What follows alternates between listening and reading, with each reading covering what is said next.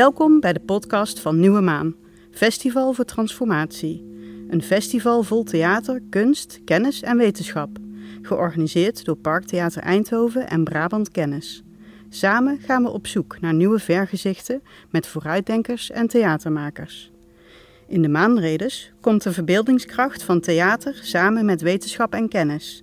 Voor een metersgrote verlichte maan in een verder donkere foyer van het Parktheater spreken maanredenaren tot het publiek met hun wens voor een betere wereld, een beter Brabant.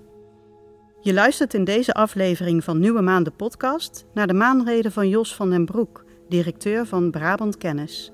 De organisatie Brabant Kennis verkent op eigen wijze de toekomst van Brabant. Onafhankelijk, nieuwsgierig en vernieuwend.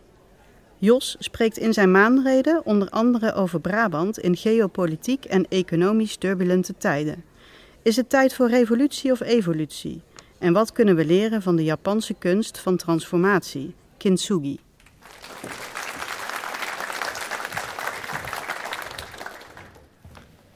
Dankjewel en welkom. Als God ons niet meer inspireert en geld niet langer zaligmakend is, wat is dan wel het perspectief? Hoe vinden we in het hier numaals het geluk? Nou, degenen die al vaker bij Brabant Kennis zijn geweest, weten misschien dat dit komt uit het boekje God, Geld, Geluk, dat ons vijfjarig bestaan markeerde. En voor mij markeert het die zoektocht naar een nieuw verhaal in Brabant. Want we zijn natuurlijk getransformeerd. We zijn getransformeerd van een windgemest west, van een achtergesteld gebied, naar een economisch florerende regio. Nou, zeker hier in Eindhoven.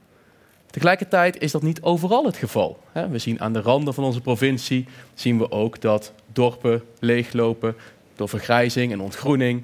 We zien waar eerst een compleet filiaal van de Rabobank stond. Als je geluk hebt, heb je nu nog een gele geldmaat. En als je helemaal geluk hebt, zit er ook nog wat geld in. We zien ook dat buslijnen steeds minder rijden en steeds minder ver komen. Dus dat verhaal van een economisch sterke regio, dat is waar. En tegelijkertijd verdient dat nuancering. Uh, het gaat niet met iedereen overal even goed. En dat is onder andere waar ik met u vanmiddag over wil hebben. En dat is dan een verhaal over Brabant. Maar ja, Brabant is niet uniek. Hè? Ook al denken wij soms van wel, en voor een deel zal dat ook waar zijn. Maar we lijken natuurlijk ook op allerlei andere gebieden waar we aan grenzen. Voor een deel had dit verhaal ook kunnen gaan over Gelderland, over Zeeland, misschien wel over Vlaanderen.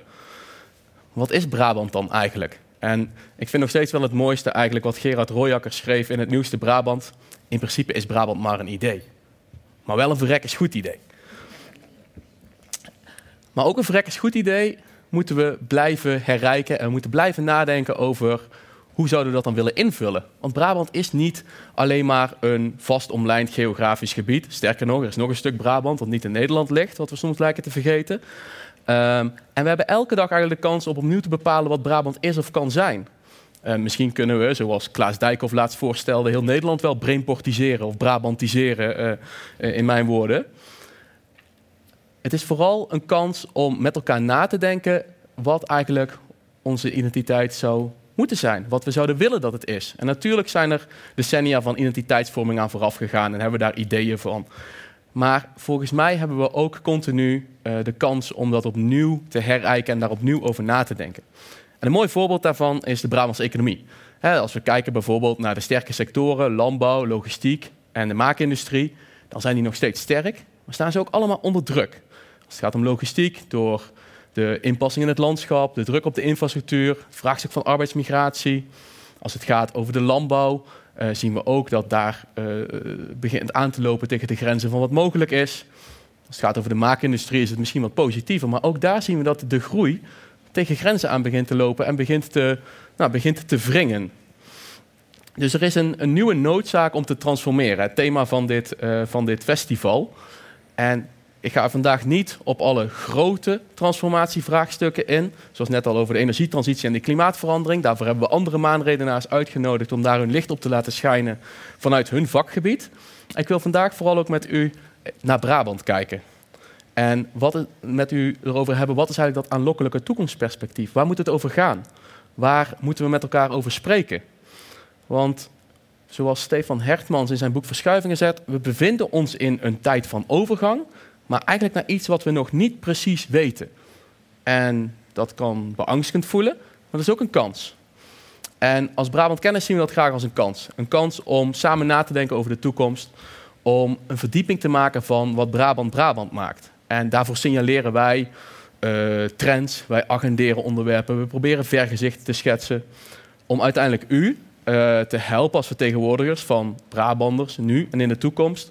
Om samen richting te bepalen in het nu met morgen in gedachten.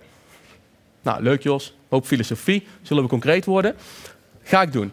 Drie onderwerpen. Uh, drie onderwerpen waar wij het afgelopen jaar hebben geprobeerd een bijdrage te leveren aan het schetsen van die vergezichten. Het eerste gaat over dat omgaan met onzekerheid. Want voor sommigen is transformatie misschien gewoon. Natuurlijk, alles verandert altijd. Dat is het enige constante. Heel fijn als u daar helemaal relaxed mee bent en denkt, nou tof, doen we. Maar voor veel mensen leidt het ook tot onzekerheid, tot gevoelens van verlies, tot zoeken naar, maar waar zijn we dan van? Of wat betekent dit nou? En hoe kunnen we daarmee omgaan? En dat zorgde ervoor dat wij uh, aan het begin van dit jaar en eigenlijk het jaar daarvoor al, of het begin van 2022 en in 2021, een verkenning hebben gedaan uh, die we onzekere zaken noemen. Op zoek naar onzekerheidsvaardigheden. Hoe kunnen we navigeren in zulke onzekere tijden? Het tweede onderwerp waar ik met u mee door wil lopen is onze verkenning tussen vrees en vriendschap. En dat is de verkenning waarbij we zijn gaan kijken naar de geopolitieke transitieperiode waar we in zitten en de betekenis dan da daarvan voor Brabant. Wat betekent het dat de wereldorde aan het schuiven is en dat Brabant daar soms middenin lijkt te zitten? En een derde punt, derde onderwerp, is onze trendnacht over nieuwe economie. Want als iets toch wel het zelfvertrouwen van Brabant soort van sterk momenteel, dan is het die economie. Dat is een, verhaal wat we elkaar graag vertellen. Zeker ook hier in Eindhoven. Hè. Motor van de Nederlandse economie. Brussel kijkt naar ons. We hoeven niet naar Den Haag te kijken. We zijn, uh, we zijn een sterke economie. Hier worden nog dingen gemaakt. We hebben hier maakindustrie. En dat is allemaal waar. En we hebben ons de afgelopen 30 jaar daarin fantastisch gemanifesteerd. Maar de vraag die we op die trendnacht opwierpen is: is dat ook genoeg voor de komende 30 jaar? Zijn wij al de nieuwe economie? Zijn wij al de economie van de toekomst? En er zijn veel bewegingen binnen en buiten de economische wetenschap die daar ook op duiden. termen als circulaire economie, betekeniseconomie, een datagedreven economie, maar ook groene groei of juist postgroei. Het idee dat we helemaal geen groei meer zouden moeten willen. En nou ja, brede welvaart, wat we wat, wat, wat, wat sterker omarmd hebben gaat allemaal om het idee dat die economie over de komende 30 jaar toch wel eens heel anders eruit zou moeten zien dan dat die de afgelopen 30 jaar eruit zag. En dan heb je misschien wel als sterke motor van de economie in Nederland de verantwoordelijkheid om daarover na te denken. En op die trendnacht hadden we sprekers die het systeem wilden veranderen. Het moet helemaal anders. We hadden er die zeiden we moeten stukken afbreken, want anders kan het nieuwe niet groeien. We hadden er ook die hadden er wat meer vertrouwen in dat we het binnen het huidige systeem wel wat dingen kunnen veranderen en dat we daarmee er komen. En dat laat eigenlijk mooi die balans zien waar het gaat over transformatie. Want gaat transformatie nou over afbreken en radicaal omgooien? Of juist om kleine betekenisvolle stapjes zetten naar het nieuwe? Gaat het over revolutie of evolutie? En als je dan gaat over transformatie, ja, dan ga je altijd even naar de Vandalen natuurlijk, als je wil weten wat het eigenlijk betekent. Daar heb ik eigenlijk nog helemaal niet over gehad. En Vandalen zegt gedaanteverandering. Toen dacht ik, kijk, daar kunnen we in Brabant wat mee, gedaanteverandering. Elk jaar, drie, vier, vijf dagen, hangt er een beetje af waar je bent in de provincie. Hangt er een beetje af uh, hoe fanatiek je bent. Hè? Uh, maar toch, hè, dan weten wij wat gedaanteverandering is. Hè? Omkering als een volksfeest. Want een feest is het en het mag weer over vier weken. En ik kijk daar zeker naar uit. Maar meestal is transformatie niet zo'n feest. En we hebben in Brabant behoorlijk wat ervaring met transformatie. neem bijvoorbeeld weer hier in Eindhoven de transformatie die is doorgemaakt na operatie Centurion, failliet van DAF. Dat is nu een succesverhaal dat we graag vertellen. Maar dat begon met pijn en verlies en met verlies van banen en met we weten het eigenlijk niet zo goed meer. Hetzelfde zie je nu in de landbouw. De landbouw is eigenlijk in Brabant succesvol getransformeerd van een schrale zandgrond naar een heel succesvol agro-industrieel complex. En staat nu weer op een punt van nieuwe transformatie. Nou, en we zien allemaal hoe dat gepaard gaat met verlies, gepaard gaat met tegenmacht en dat het niet een feest is. Maar we hebben wel een keuze. We hebben wel een keuze of dat we in Brabant willen tegenstribbelen of dat we willen voorop lopen. En zoals Roxane van Iperen uh, op onze trendnacht zei, Brabant is eigenlijk een soort microcosmos waar alle landelijke problemen en successen samenkomen. En daar ligt een kans om de rest van het land maar te laten stikken in grappen over boeren, carnaval en worstenbroodjes. En ze te laten zien hoe het ook anders kan. Maar dat is wel een bewuste keuze als we dat willen doen. En dat maakt ook de stap naar de tweede verkenning een bewuste keuze. De tweede verkenning waar ik het over wilde hebben is tussen vrees en vriendschap, over de geopolitieke verandering. Want als er ergens een vraag is en een noodzaak is om zelf vorm te geven aan de toekomst, is het wel op dit thema. Die spanningen in de wereld die zijn groot, dat weet u allemaal. U leest dat in de krant. En dan kunt u misschien denken, ja, dat, speelt zich allemaal af tussen Poetin en Xi en, en Biden. Misschien doet Rutte ook nog mee. Maar Brabant, en, en, toch hebben wij de afgelopen maanden, toen we met die verkenning bezig waren, gezien dat dat te makkelijk is. Want Brabant is een heel sterk internationaal verbonden provincie. Dan gaat het over bedrijfsleven dat in internationale waardeketen zit. Gaat het over kennisinstellingen die allerlei internationale verbanden hebben. Ehm, en dat maakt ons sterk, dat maakt ons internationaal concurrerend. En dat hebben we het de afgelopen 30 jaar ook goed mee gedaan. Maar het maakt ons ook kwetsbaar. Hè? Het betekent ook dat als er iets verandert op dat wereldtoneel, dat wij misschien ook iets moeten veranderen. En dat dat anders onze economie, onze handel raakt. En tegelijkertijd gaat geopolitiek niet alleen over handel. Het gaat juist ook over waarde, over wat wij belangrijk vinden. En dat zagen we bijvoorbeeld als we kijken naar een onderwerp wat soms heel klein lijkt, maar een heel mooi symbool is van die waarden. Dat zijn stedenbanden. En 29 eh, november vorig jaar heeft de Eindhovense gemeenteraad besloten om de banden met Nanjing, die al sinds 1985 bestonden, uh, door te snijden. En ook in Den Bosch en in Oost en in de provinciale staten zijn moties ingediend om de banden met uh, de provincies en steden in, in China door te snijden. Het leidde ertoe dat de burgemeester van Eindhoven zei: Ja, misschien zijn stedenbanden ook wel helemaal niet meer van deze tijd. Ik heb er ook nog geen minuut aan besteed, dus misschien moeten we er maar inderdaad niet te lang over praten. En dat kwam ook terug in een publicatie die we hebben gemaakt: Vriendschap is geen illusie. Waarin we uh, zijn gaan kijken naar de historische uh, oorsprong van stedenbanden en waarin we daar wat dieper zijn in, uh, ingedoken.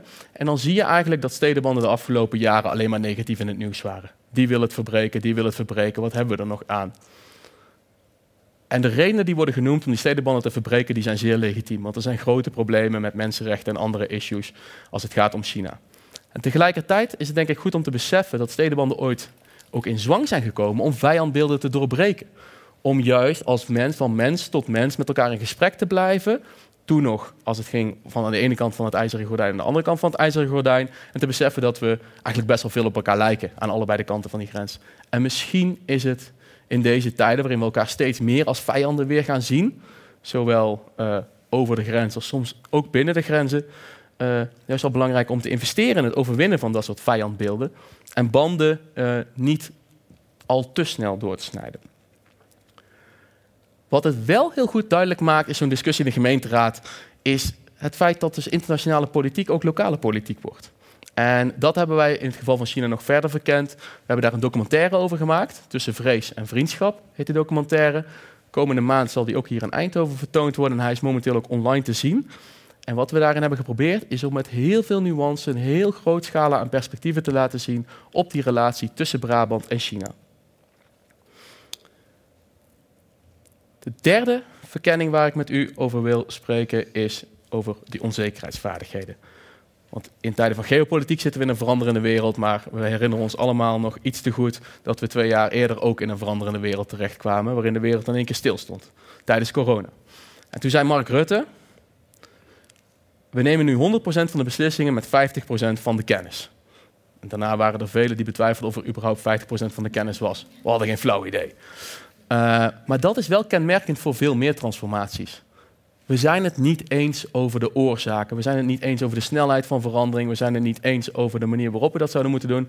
Dat is ook prima. Daarvoor hebben we politiek uitgevonden. Voor een deel hebben we u daarvoor. En, maar sturen in onzekerheid gebeurt dus tijdens alle transformaties. En helaas werkt ons brein niet mee als het gaat over onzekerheid. In onze podcast Onzekere Zaken zegt Roshan Kools, neurowetenschapper, ja, ons brein werkt eigenlijk als een soort voorspellingsmachine. Dat wil zeggen, dat wat we al weten wordt veel makkelijker verwerkt, want we gaan ervan uit dat het gaat zijn zoals wij dachten dat het altijd was. Dus we kunnen heel slecht omgaan met nieuwe informatie. We kunnen ons moeilijk voorstellen dat het anders kan. Tegelijkertijd zullen we wel moeten. Want We kunnen wel van onze politici vragen dat ze telkens zekere resultaten uh, leveren. En dat ze doen alsof onzekerheid niet bestaat. Maar dat leidt ons tijdens corona van lockdown naar lockdown. Dat leidt ons in het geval van stikstof momenteel van crisis naar crisis naar wachten op de volgende crisis. Dus het vraagt om onzekerheidsvaardigheid. Het vraagt om veel meer flexibiliteit, om het denken in scenario's. Het vraagt om ons actief te verhouden tot de toekomst. Omdat we niet meer kunnen achterover kunnen leunen. Want we kunnen wel doen alsof de uitdagingen er zijn, niet zijn, alsof de transformaties er niet zijn. Maar geen keuze maken en iets op de lange baan schuiven en maar besluiten er niet over te hebben, is ook een keuze maken. Het is de keuze maken om de kans te laten schieten om zelf vorm te geven aan de toekomst. En dat geldt denk ik ook als het gaat over het onderwerp bubbels en breuklijnen, waar net al even aan werd gerefereerd. Dat is waar wij komend jaar mee aan de slag gaan. Het wordt bijna een dooddoener om te zeggen dat die Brabantse economie het zo goed doet. Maar toch ga ik het nog een keer zeggen. En tegelijkertijd, er zijn grote verschillen in die economische kracht. Als je bijvoorbeeld kijkt binnen Brabant, dan zie je dat Brainport, ja, het fantastisch doet. staat op nummer 1. Maar West-Brabant, daar gaat het veel minder. Als het gaat over toegevoegde waarde, als het gaat over banen, pak maar een paar indicatoren. Dat hangt hier samen met gezondheid, dat hangt samen met vertrouwen in de medemens. Dus er zijn grote economische ongelijkheden, maar die zitten ook binnen gemeentes, binnen steden. En uh, we moeten oppassen dat we ook niet doen alsof dat dit iets is tussen stad en platteland. Want stad en platteland in Nederland, in Brabant, dat is iets waar we uh, de komende jaar verder in willen duiken, maar waar we wel al, al, uit het verleden hints hebben dat die verschillen niet zo gigantisch zijn in Brabant. In 2016 hadden we al de studie Mind the Gap, waarbij we eigenlijk tot de conclusie kwamen, ja, verschil mag er eigenlijk ook zijn. De verschillen toen waren juist nog interessant, want iemand gaat in een dorp wonen niet omdat hij graag daar wil hebben wat hij al in de stad had. U gaat op stedentrip niet omdat hij daar in een dorpshuis een kopje koffie wil gaan drinken. Dat kan ook thuis. Maar de vraag is wanneer belemmert te veel verschil nou het samenleven? En dat raakt aan de vraag, hoe willen wij eigenlijk samenleven? Hoe willen wij samen de toekomst vormgeven? Die transities, transformaties die we voor ons hebben, die zijn noodzakelijk politiek. En daarover mogen we van mening verschillen. Maar de vraag is, kunnen we nogal met elkaar praten over die wenselijke toekomst? Komen we nog wel bij elkaar? Of zitten we telk zo vast in onze identiteiten dat we niet meer met elkaar kunnen spreken over wat we wenselijk vinden, waar we naartoe vinden, waar het problematisch wordt. En we hebben het risico dat we straks misschien wel duurzaam zijn, maar niet langer een samenleving. En wat heeft ons dat dan gebracht? We gaan dus als Brabant Kennis eh, dit jaar op zoek naar bubbels en breuklijnen in Brabant. En daar willen we vandaag met u ook mee beginnen. En breuklijnen zijn voor ons de plekken waar het schuurt, waar het uit elkaar dreigt te vallen, dan kunt u tegenwerpen. Het zijn natuurlijk ook die plekken waar het interessant en boeiend is. Zeker. Maar ze hebben vooral het risico ook van die breuk. En bubbels zijn eigenlijk het tegenovergestelde. Hè? Comfortabele plekken, nou, hier bijvoorbeeld, waar we met eensgezinden, nou, dat weet ik dan nog niet, uh, ons fysiek en digitaal terugtrekken. En natuurlijk zijn die plekken er altijd geweest. Het is ook hartstikke lekker in een bubbel. Weet je, we verkeren ook graag in een bubbel. Er is ook niks mis mee. Totdat de exclusiviteit en het gebrek aan tolerantie er eigenlijk voor zorgt dat we niet meer met elkaar buiten die bubbel komen. En tot slot wil ik daarom wat inspiratie uit het verre, verre oosten halen, uit Japan. Want als we breuklijnen hebben, dan, dan suggereert dat alsof we dat ook kunnen maken.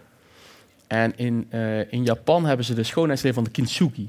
En dat is het idee dat als iets gebroken is, dan is het onherroepelijk veranderd. Maar ze maken het dan met gouden of zilveren lijm, waardoor juist die breuk een eigen schoonheid krijgt. En dat is misschien een mooie manier om ook na te denken over het Brabant van de toekomst. Niet vanuit een soort van nostalgisch verlangen naar hoe het vroeger was en toen was het zo mooi en vaak blijkt dat wij het mooier hebben gemaakt in ons hoofd dan dat het was. Maar met het verleden en het bestaande als basis kunnen we wellicht juist door iets nieuws toe te voegen bijdragen aan de schoonheid van die Brabantse samenleving en zo dat verrekkersgoede idee van Brabant ook toekomstbestendig maken. Dank jullie wel.